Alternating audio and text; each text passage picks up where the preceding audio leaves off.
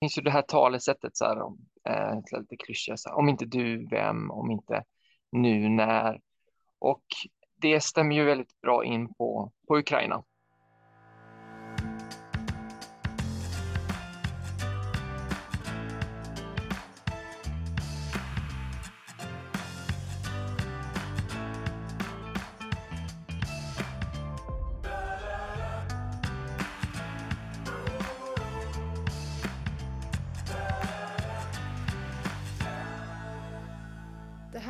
Djurens Rättspodd. Och vilka är då Djurens Rätt?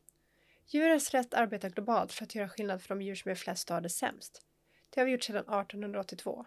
Med våra målinriktade kampanjer, företagssamarbeten och politiskt påverkansarbete är vi en av världens ledande djurrätts djurskyddsorganisationer med flera 50 000 medlemmar i Sverige. Vi är helt finansierade av Djurens Rätts medlemmar, så stort tack till dig som är medlem och gör vårt arbete för djuren möjligt. Varmt välkomna tillbaks till På djurens sida. Mitt namn är Linn Åkesson och i dagens avsnitt så kommer vi att prata om Djurens Rätts satsning i Ukraina. För det var ju nyligen som Djurens Rätt gick ut med att organisationen öppnar upp en ny verksamhet i Ukraina för att göra skillnad för djuren i det krigsdrabbade landet både på kort och lång sikt. Detta görs under namnet Project 1882. Om detta kommer jag att snacka mer med Benny Andersson om, generalsekreterare för Djurens Rätt. Och ni lyssnare har även fått möjligheten att ställa frågor om detta i våra sociala medier och dessa kommer jag självklart också att besvara. Slutligen kommer vi även få lyssna på lite tips för hur du kan vara en djurvänlig turist i sommar. Men innan vi drar igång är det dags för Djurrättssvepet.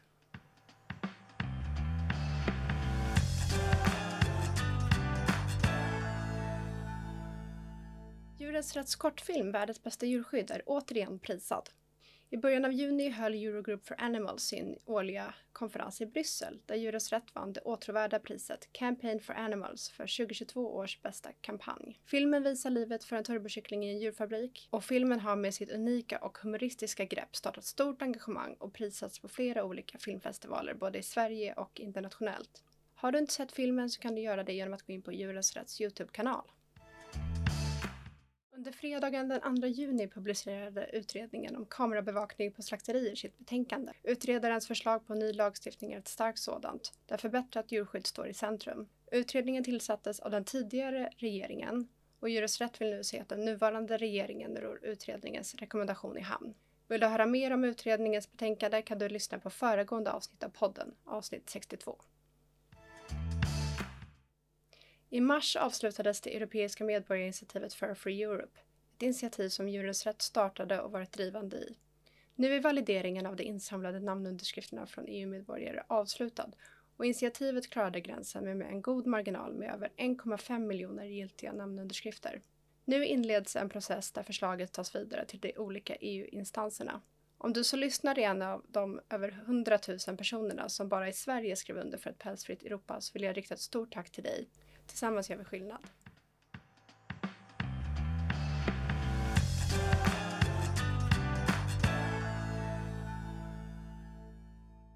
Djurens Rätt har sedan grundandet 1882 arbetat för att göra så stor skillnad som möjligt för de djur som är flest och har det sämst, både i Sverige och globalt. Och nu är det dags för Djurens Rätt att ta nästa kliv ut i världen när en ny verksamhet i Ukraina etableras under namnet Project 1882. Och därav har jag fått äran att prata med Benny Andersson idag, Välkommen till podden Benny. Ja, men tack så mycket Linn. Uh, det är roligt att vara tillbaka här i podden igen. Ja, det var ett tag sedan. Ja, men eh, tiden, eh, tiden går fort när det händer mycket. Så ja. ja. Så är det. Hur är läget med dig då? Jo tack, det är bra med mig. Det känns, känns somrigt och så. Uh, hur är läget själv? Ja men det är fint tack. Nu, nu när vi sitter här då är det ju veckan innan midsommar så att det är ju tid, ja som vi säger, tiden går väldigt fort. Det känns sjukt att det snart är midsommar men jag ser väldigt mycket fram emot det. Ja men Ukraina, Benny. Varför Ukraina? Varför nu? Ja, varför Ukraina? Varför just nu? Ja men det finns, jag tänker så här, det finns ju det här talesättet så här om, eh, lite klyschiga, om inte du, vem? Om inte nu, när? Och det stämmer ju väldigt bra in på, på Ukraina. För vi, först och främst, djurens rätt, vi har ju vår kompass. Eh, den riktar sig ju mot det håll där det finns flest djur som, som eh, har det sämst. Och eh, i Ukraina finns det otroligt många djur som är, som är i stort behov av förändring. Och Ja, kriget har ju drabbat ja, hundratusentals familjedjur till exempel. Så det finns ju enorma hjälpbehov just nu. Så det, det, det gör ju att Ukraina blir väldigt relevant för oss att uh, ge oss in i och försöka åstadkomma så mycket förändring som möjligt som vi, som vi har kapacitet till. Ja, men det är klart. Det är många familjedjur som är i behov av hjälp. Men jag tänker också djurfabriker måste det ju finnas. Ja, men det stämmer. Alltså, Eh, alltså Ukraina har ju funnits i, i våra tankar långt innan, innan kriget eskalerade så här. Alltså, Ukraina är ju det land i Europa som förmodligen har flest djurfabriker. Och det föds ju, bara så att vi får liksom lite perspektiv på det, det föds upp omkring en halv miljard turbokycklingar bara i Ukraina varje år vilket är flest i Europa. Så, och, och, nästan inga insatser görs för dem, och inte före kriget och definitivt inte nu under kriget. Samtidigt måste vi också ha hopp om att, om att kriget en dag kommer ta slut. Och inom en överskådlig framtid så är Ukraina förmodligen medlem i, i EU och då får vi in ett väldigt stort djurfabriksland med en djurskyddsnivå som ligger en bra bit under EUs redan låga nivå. Um, och då behöver det finnas ytterligare en stark röst för djuren in i Ukraina. Det har ju funnits med i våra tankar länge. Och sen så skedde det här då, den, förra året, då, invasionen, den storskaliga informationen om Ukraina. Och eh, då blev det ju lite annat fokus eh, så här inledningsvis för oss. Mm. Ja, en halv miljard turbokycklingar, det är ju en helt ofattbar siffra, det går inte att ta in. Men eh, jag tänker på namnet då, Project 1882. Vad är anledningen bakom det? Ja, alltså alla som har försökt hitta ett, ett, namn på någonting nytt vet ju att det kanske är, det, det är svårare att komma på namnet än att komma på en bra idé tror jag, liksom vad man ska göra. Men eftersom namnet Djurens Rätt, det fungerar ju egentligen bara i Sverige eller för en, en äh, människor som förstår svenska, så behövde vi ju ett nytt namn utomlands och ja, men gärna ett som var kort, som Djurens Rätt och lite lite snärtigt som ju också Djurens Rätt är. Men eftersom Djurens Rätt ända sedan starten har ju, vi har ju haft som uppdrag att göra, som jag sa innan, så här, skillnad för de djur som är, utnyttjas mest och lider värst, så är ju det det som är kärnan i vårt projekt och har varit det sedan 1882. Så då blev det just det som gav oss namnet eh, Project 1882. Så det, det tydliggör ju också att vi är ju ett ständigt pågående djurrättsprojekt och vi är också under ständig utveckling och ja, nu tar den här utvecklingen oss till, till Ukraina. Ja men vad spännande och hur har reaktionerna sett ut hittills då? Jag tänker nu har det ju gått en vecka ungefär sedan vi, när vi spelar in det här, sedan vi gick ut med att vi startar en verksamhet i Ukraina. Hur har tongångarna gått? Ja, de har varit väldigt positiva måste jag säga. Det är klart det är alltid lite nervöst att eh, gå ut publikt med någonting som har jobbats med ja, sedan förra året. För det här är ju inget som gjordes på en vecka. Utan det är ju någonting vi har jobbat med under väldigt lång tid ihop med, med våra ukrainska kollegor. Så det, det är alltid lite nervöst och när man ska tala om vad, vad kommer folk tycka om den här idén. Men eh, glädjande så har reaktionerna varit väldigt, väldigt positiva. Och eh, ja, men vi har fått väldigt mycket hejarop från dels från våra egna medlemmar eh, och det känns ju som viktigast. Men också från andra organisationer både runt om i Europa men också i Ukraina. Och vi har redan eh, de, de, som fick veta det här först, det är ju de djurskydds och djurrättsorganisationer som finns i Ukraina sedan tidigare, eh, som vi också har samarbetat med. Men då har samarbetet varit lite mindre formellt. Så. Och det som, som en av dem uttryckte det, Ukraina är ett, ett enormt land eh, med nästan fem gånger fler invånare än vi har i Sverige. Eller fyra i alla fall. Det är 44 45 miljoner invånare i Ukraina. Så det behövs fler organisationer, inte färre.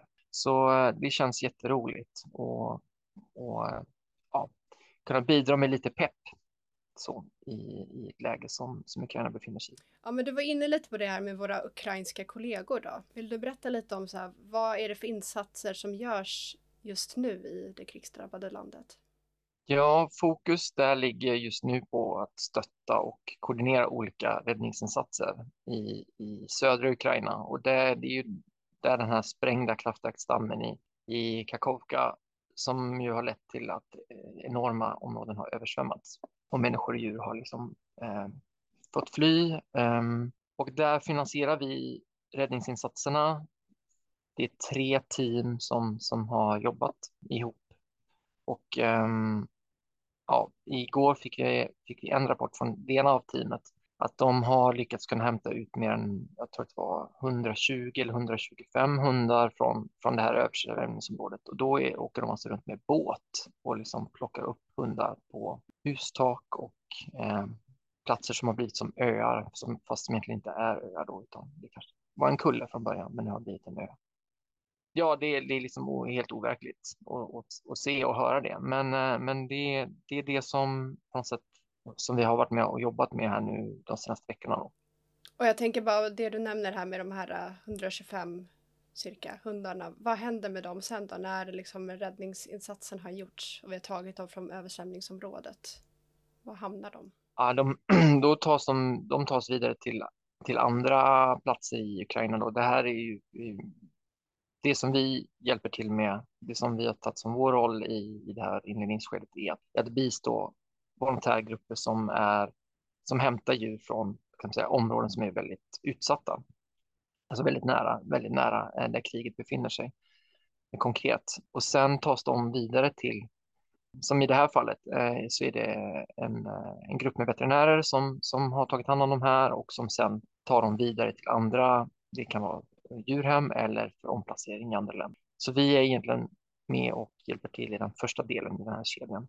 Sen tar andra vid efter så. Men det, det är just det, det här som det har funnits en, vad ska man säga, en lucka eh, så i, i arbetet i Ukraina. Att det, det finns organisationer och, um, som, som jobbar med omplacering men som finns i områden som inte drabbats direkt av kriget. Och sen finns det volontärgrupper som varit väldigt underfinansierade och liksom haft väldigt lite Eh, resurser som har gett sig ut och hämtat de här djuren. Så det är det som, som eh, våra ukrainska kollegor bistår med.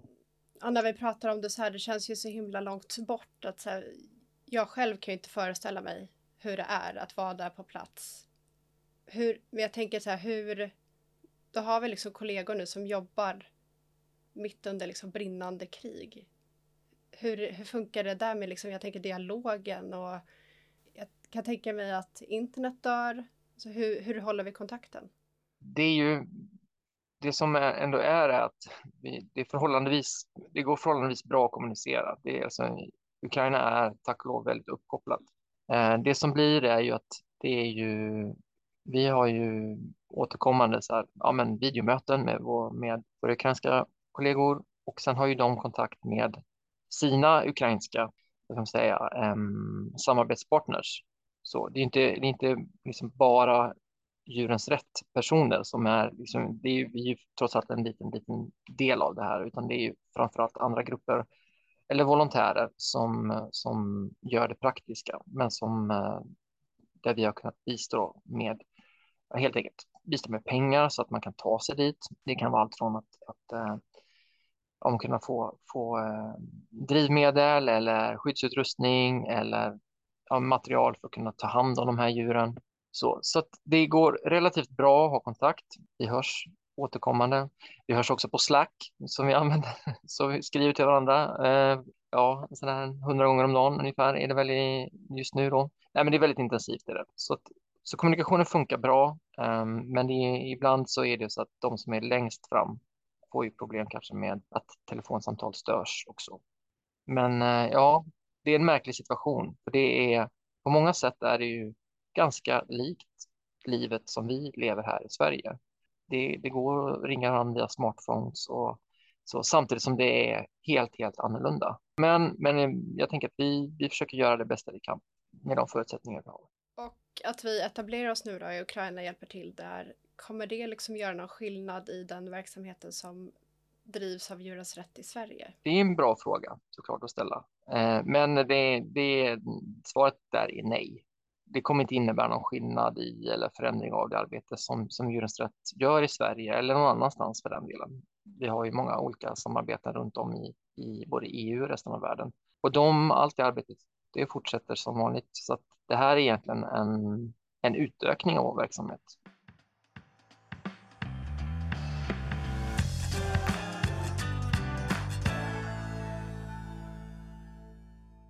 Har fått en hel del frågor från lyssnarna via sociala medier som jag, och jag har valt ut no några av de här då, eh, som jag tänker att du ska få hjälpa till med att besvara. Så första frågan lyder då, vad är skillnaden mellan Djurens Rätt och Project 1882? Det är egentligen ingen, ingen skillnad alls. Djurens Rätt är på svenska i Sverige och Project 1882 är då på engelska eh, utanför Sverige eller ukrainska i Ukraina. Så det, det är ingen skillnad. Ja, det är en följare som vill veta om vi kan ge något exempel på vad vi har gjort i Ukraina hittills. Ja, men det, jag var inne på det. Eh, och det är ju, jag kan, kan egentligen säga ända sedan invasionen i februari 2022 så har vi ju hjälpt till i olika former. Och det är ju framförallt ekonomiska bidrag och det har varit hjälpa till med att stora, stora laster med djurfoder har tagits in i landet eller ordnat så att andra hjälptransporter kommit in i Ukraina och så. Så vi har gjort många olika saker under det, de här månaderna. Men de sista veckorna, så, som jag nämnde här, så, så är det ju fokus mer på de här akuta insatserna. Så, så det, gå in på vår Instagram kan man göra och se vad som, eh, eh några exempel på de senaste eh, hjälpinsatserna som, som vi har varit med och ombesörjt. Ja, jag tänker att vi kanske har varit inne lite på det här också, men det tål att upprepas. Eh, vad är det största problemet just nu för djuren i Ukraina? Ja, största problemet. Det finns många problem, men, ja, men det största problemet är liksom sammantaget är att djuren hamnar väldigt, väldigt långt ner på priolistan för många i Ukraina. Och det är ju förståeligt. Det är ju, det är ju ett land i krig som är invaderat. Och det är också därför som stödet utifrån är väldigt viktigt. För att ge de ukrainarna som vill förändra, som vill hjälpa djuren, att ge dem eh, hopp om att eh, förändring är möjligt även i den här eh, situationen. Och de, de brukar, ja, eh, Hanna som, som är ansvarig på plats brukar säga att eh, Rysslands invasion ska inte få bestämma att djuren i Ukraina får det sämre. Utan vi måste, vi får inte låta det styra helt enkelt. Så, och jag, jag tycker det är en, det är en eh, beundransvärd inställning. Och eh, kan vi stötta så ska vi göra det. Absolut. Eh, en annan fråga lyder, hjälper ni djuren på plats eller försöker ni att flytta dem för att ge dem nya hem? Ja, men vi finns ju på plats eh, och det är ju ukrainare som driver verksamheten i Ukraina. Så det är ju, det är ju inne i landet som, som uh, Djurens Rätt är då. Och det vi gör, som jag var inne på tidigare här, det är att vi hjälper andra organisationer och grupper eller individer att ta djuren till nya hem inom eller utanför Ukraina. Så, så vi, det är inte vi som så här, det är inte djurens rätt som har en, en fysisk plats där, där vi tar hand om djuren, utan det här är helt enkelt så här, var finns det störst behov och eh, var finns det människor som kan hjälpa till? Och så ser vi vad vi kan göra tillsammans med dem. Som sagt, det är, det är, det är en väldigt föränderlig situation hela tiden och vi försöker anpassa oss efter, efter vad, vad vi kan göra mest nytta så utifrån med de resurser vi har. Ja, eh, jag har fått en fråga här också. Vad ska jag tänka på om jag vill ta en hund från Ukraina? Ja, det första du ska göra då det är att kolla upp vilka regler som gäller för stunden. För de, de ändrar sig lite, eller har ändrat sig lite. Det finns också undantagsregler för Ukraina i, i nuläget. Men det är Jordbruksverket som är ansvarig myndighet här, så börja med att titta på Jordbruksverkets hemsida och se vad är det som gäller för stunden. Så det är inte helt enkelt att ta in en hund från Ukraina. Men om det skulle vara möjligt, om du hittar ett, ett sätt att göra det, så är, är, det också viktigt att välja en seriös omplaceringsorganisation och inte någon random Facebookgrupp. Så. Så, och Djurens Rätt, vi har ju som jag var inne på lite tidigare, vi har ju inte någon egen omplaceringsverksamhet, utan vårt fokus ligger på att försöka hjälpa till inne i Ukraina med det akuta. Så, men eh, det finns framförallt i, i eh, söder om Sverige, i övriga EU och Europa, så eh, finns det många organisationer som, som jobbar med omplacering, både liksom i, i Polen och Tyskland och Rumänien och så, som ligger nära, nära Ukraina. Ja men fint. Um, vi har en följare som undrar också, uh, vad kan jag göra som privatperson för att hjälpa till? Ja, det enklaste och i det här läget kanske mest effektiva, det är ju inte att åka till Ukraina själv uh, och liksom ge sig in i det här med, med uh, volontära på plats. Så det, det är inte det, även om det kanske är det som känns här, hur kan jag hjälpa till? Så finns det, så skulle jag säga att, att, vara, att, att fortsätta stödja djurens rättsarbete, att vara månadsgivare och kanske om man vill ge en gåva direkt till arbetet via djurensrätt.se, Ukraina. Det är de det är det som jag skulle säga är vad du som privatperson kan göra väldigt enkelt. Och då, då kommer liksom hjälpen till de som kan ge hjälpen bäst, det vill säga de människorna som bor och lever och har koll på Ukraina. Ja, vi har också en fråga om vilka andra länder skulle Djurens Rätt vilja öppna upp en verksamhet i? Ja. Nu har vi tagit Ukraina, vad ska vi ta härnäst? Ja, precis. Ja, spontant så bara, inga fler just nu på ett tag. Eh, nej, men det är, det är såklart, det är frågan, frågan växer ju. Så här, om, om Sverige inte är, är enda landet universitet finns i, vad, vad finns det fler länder?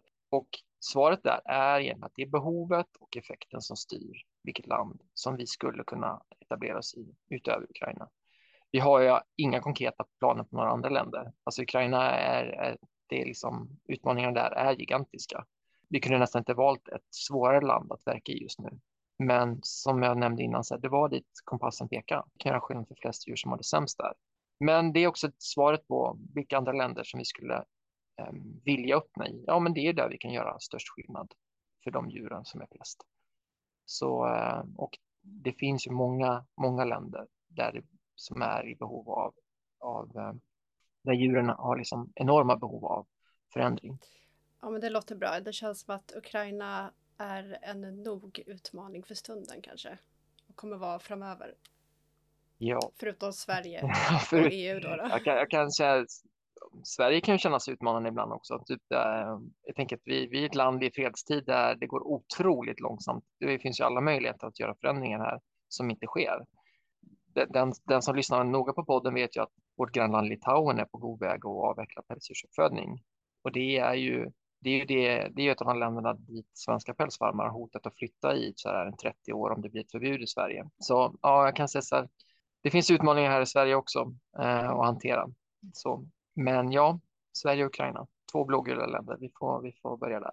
Ja, det låter bra. Vi sitter inte sysslolösa kan man ju säga. Men eh, ja, vad fint, det här var ju några av frågorna. Förutom då eh, en massa hejarop måste jag också bara eh, säga till dig Benny att vi har fått jättemycket hejarop i sociala medier eh, kring det här så det är ju väldigt kul. Men jag är också övertygad om att vi kommer att återkomma kring det här i podden framöver så att man får se till att fortsätta lyssna på podden för att hålla sig uppdaterad också då. Men eh, om man vill hålla sig ännu mer uppdaterad då, vad kan liksom lyssnarna följa arbetet framåt? Ja, ja men förutom här i podden då, för jag tänker så det, det kommer säkert nämnas någon gång ibland. Så ja, men följ eh, Project 1882.org på Instagram och Facebook. Så det, då har du pejl på, på dagsläget. Men sen har vi också en hemsida eh, som heter project1882.org som är, som är på engelska. Den som har varit inne på universitet.se kommer känna igen sig. Men eh, det är där som vi kommer hålla hålla alla som följer det här eh, så uppdaterade som möjligt. Ja men toppen. Ja men stort tack Benny för att du kom och berättade mer om vår satsning i Ukraina. Och jag får väl önska dig också en fin sommar. Det är snart till sommaruppehåll, lite semester. Ja men detsamma Linn. Ha en fin sommar du också. Så får vi eh, Ja, du, du och jag har ju lite sommaruppehåll, men sen så, eh, jag tänker så här, vi har ju våra, våra kollegor på, på sommarturné, de har ju inget uppehåll. Så Djurens Rätt har ju inte semester. Det är ju, tänker jag så här, är, är, är fint att veta. Så att vi kör ju 365 dagar om året. Så eh, ja, vår sommarturné, den kör. Medan du och jag kanske tar en break. Kanske. Ja, ja men verkligen. Det är bra att du förtydligar det. Och jag tänker också arbetet i Ukraina kommer inte heller ta semester. Det finns ingen semester där. Men eh, stort tack och vill du som lyssnar bidra så gör du det genom att bli månadsgivare i Djurens Rätt. Och du kan också då skänka en gåva direkt till arbetet i Ukraina via djurensrätt.se Ukraina. Och jag tänker också att vi lägger en länk till insamlingen eh, direkt i poddbeskrivningen. Tack Benny! Tack Linn!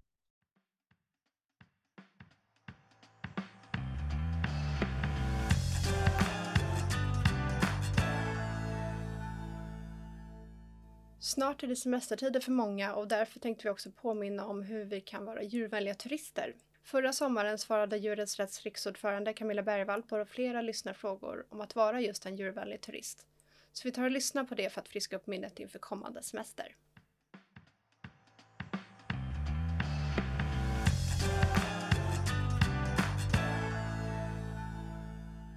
Nu har det blivit dags för mig att hälsa välkommen tillbaka till Camilla Bergvall, riksordförande för Djurens Rätt. Välkommen Camilla! Ja, men jättekul att vara här och sitta i samma rum för en gångs skull. Först så vill jag kolla med dig Camilla om du har några tips till lyssnarna. Vad är liksom bra att tänka på för att inte bidra till att djur utsätts för någon form av lidande när man, när man har semester?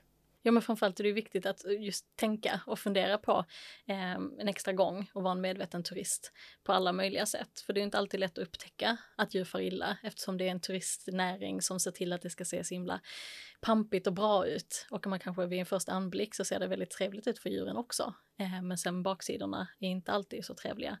Eh, så det gäller att ha en kritisk blick och då till exempel undvika evenemang där djur används som underhållning eh, djurshower, cirkusar och sådana saker. Eh, men också då transporter där djur är inblandade, alltså att det kan ju vara eh, häst och vagn eller liksom rida på elefanter och sådana saker. Mm. Där har vi ju sett hemska exempel på när djuren då eh, får jobba långa pass, eh, det, det, är varmt och de kan liksom få eh, värmeslag och så vidare, men också olyckor häst och vagn som till exempel kör på bilvägar och att det sker hemska olyckor där djuren far illa. Eh, så även om det inte ser så farligt ut att en häst drar en vagn till exempel så kan det ju finnas enorma baksidor med, med det mm. också. Ja, som man inte, inte får se då, då som, som bara turist. Nej precis, och då är det alltid bättre att undvika eh, än att eh, riskera att bidra till att djur far illa. Mm. Mm. Ja men bra tips. Eh, och det finns ju en del som väljer att besöka på djurparker och zoo under semestern. Man kanske åker till en annan stad där det finns ett zoo. Eh, och det kanske vi alla någon gång har gjort i livet om, om man ska vara ärlig. Eh, men så att vi har fått en, en följarfråga eh, som lyder Hur vet man att, djur, att ett djur inte har haft det bra på zoot? Ja, och det är ju liksom återigen svårt att, svårt att veta vad som händer när besökare inte är där. Mm. Men vi har ju sett nu de senaste tio åren rapporter om att friska djur avlivas på i princip de flesta djurparker, eh, både i Sverige och utomlands eh, för att då få plats med de här eh, nya djurungarna som ska ses som gulligare och locka till sig fler besökare och i slutändan då pengar till eh, det här turiststället. Mm. Eh, så det är ju djurparkerna finns ju dessvärre inte till för djurens skull utan för besökarna. Ehm, så att av den anledningen så är det ju återigen bättre att undvika för man vet liksom inte vad som, vad som händer eh, bakom kulisserna så att säga. Ehm, och sen är det såklart alltid bättre att djuren får vara i sitt naturliga habitat liksom, och inte instängda i Även om det i vissa fall är större inhägnader så är det ju fortfarande mycket, mycket mindre än de skulle ha i det vilda. Mm. Ja men verkligen. Så vi rekommenderar då att man inte besöker djurparker överhuvudtaget. Eh, ja men bra. Eh, och nästa fråga lyder, vad kan man göra om man ser djur fara illa under sommaren? Ja, och det är ju jätteviktigt att man gör någonting då, så det är en jättebra fråga som någon har skickat in. Eh, dels beror det ju på var du befinner dig. Befinner du dig i Sverige så är det ju länsstyrelserna i Sverige som ehm, ansvarar för att kontrollera om det till exempel är en en hage där djur verkar må dåligt eller någonting så är det till Länsstyrelsen man rapporterar och då åker de ut och inspekterar och kontrollerar och sådär. Och där kan man också anmäla anonymt om det är så att det kanske är en granne eller något sånt där. Ehm, så är det akut så ska man ju såklart alltid ringa polisen om man ser liksom att ett djur får akut illa. Då ringer man 112 såklart. Men annars är det Länsstyrelsen som man ringer i Sverige. Eh, och är man utomlands så eh, skulle jag rekommendera att kontakta en djurskyddsorganisation i det landet som kan hjälpa hur rutinerna ser ut, för det är ju väldigt olika i olika länder hur man kan anmäla att djur får illa. Men det viktiga är ju att man gör någonting eh, och att man till exempel fotograferar och skriver ner vilka tidpunkter och platser man har sett det här på så att det finns mycket för de som ska kontrollera att gå på. Så det är jättebra om man agerar om man ser att djur far illa på något sätt. Men superbra. Men vad mer är bra att tänka på då för att ha en djurvänlig semester? Finns det några andra bra grejer att tänka på? Ja, ett tips som jag skulle vilja ge är att det här med souvenirer. Eh, för det är ju ofta gjort av djurdelar på olika sätt. Det kan ju dels vara de här klassiska päls och läder och så som accessoarer och så kan vara gjorda av. Men eh, utomlands kan det även vara smycken som är gjorda av till exempel djurben eller andra delar av djur som har använts. Ehm, det vet vi såklart inte om det, hur det djuret har haft det innan, var det kommer ifrån och så vidare. Eh, och sen är vissa av de här produkterna också olagliga att ta med sig hem. Så det kan ju vara bra av flera orsaker att eh, vara väldigt noga med vad det man köper innehåller. Sen såklart välja vego, alltså när man, när man käkar mat också. Alltså att det kanske kräver lite mer efterforskning och planering när man är utomlands eller på en ort man inte har varit. Men det tycker jag alltid är värt det i slutändan, att man hittar de där smultronställena som finns lite överallt tycker jag ändå. Ja men det är bra. Bra med planering. Mm. Um, och något annat då som är bra att tänka på så här på sommaren då, det är ju det här med värmen och så, att inte lämna djur eller hundar i, i bilen. Ja, och det är helt otroligt att vi behöver fortsätta tjata om. Det känns ändå som att det har fått så stor spridning, men varje sommar ser vi ändå de här exemplen på hundar som har fått värmeslag i bilar. Eh, för att det går så himla snabbt. Man kanske bara tänker att jag ska iväg en liten stund, eh, väva ner fönstret lite grann. Men det kan bli så otroligt varmt i solen i en bil. Så att lämna aldrig hundar eller andra familjedjur i bilen helt enkelt. Ta med dem eller lämna dem hemma eller på något ställe där det, de riskerna inte finns. För det är ju också så att även om det är kanske känns svalt ute så är det ju alltid varmare i bilen. Precis. Så att det, det, ja, det vet man ju själv när man mm. öppnar en bil som har stått i solen. Det är ju, man kan ju inte gå in och sätta sig ens. Ja. Så att lämna inte hunden i bilen helt enkelt. Det var allt vi hade att bjuda på idag. Gillar du vår podcast så se till att du prenumererar på podden. Då missar du aldrig när ett nytt avsnitt släpps i din poddapp. Om du som lyssnar har några frågor eller önskemål på ämnen eller gäster så har vi nu en mejladress. Mejla oss på podcast.djurensratt.se. Till sist vill vi tacka dig som har lyssnat idag. Och det är tack vare våra månadsgivare som vi kan fortsätta att göra skillnad för de djur som är flest har det sämst. Och vi behöver din hjälp mer än någonsin. Gå in på www.djurensrätt.se och bli månadsgivare idag. Ha det fint tills vi hörs nästa gång och tack för att du står på djurens sida.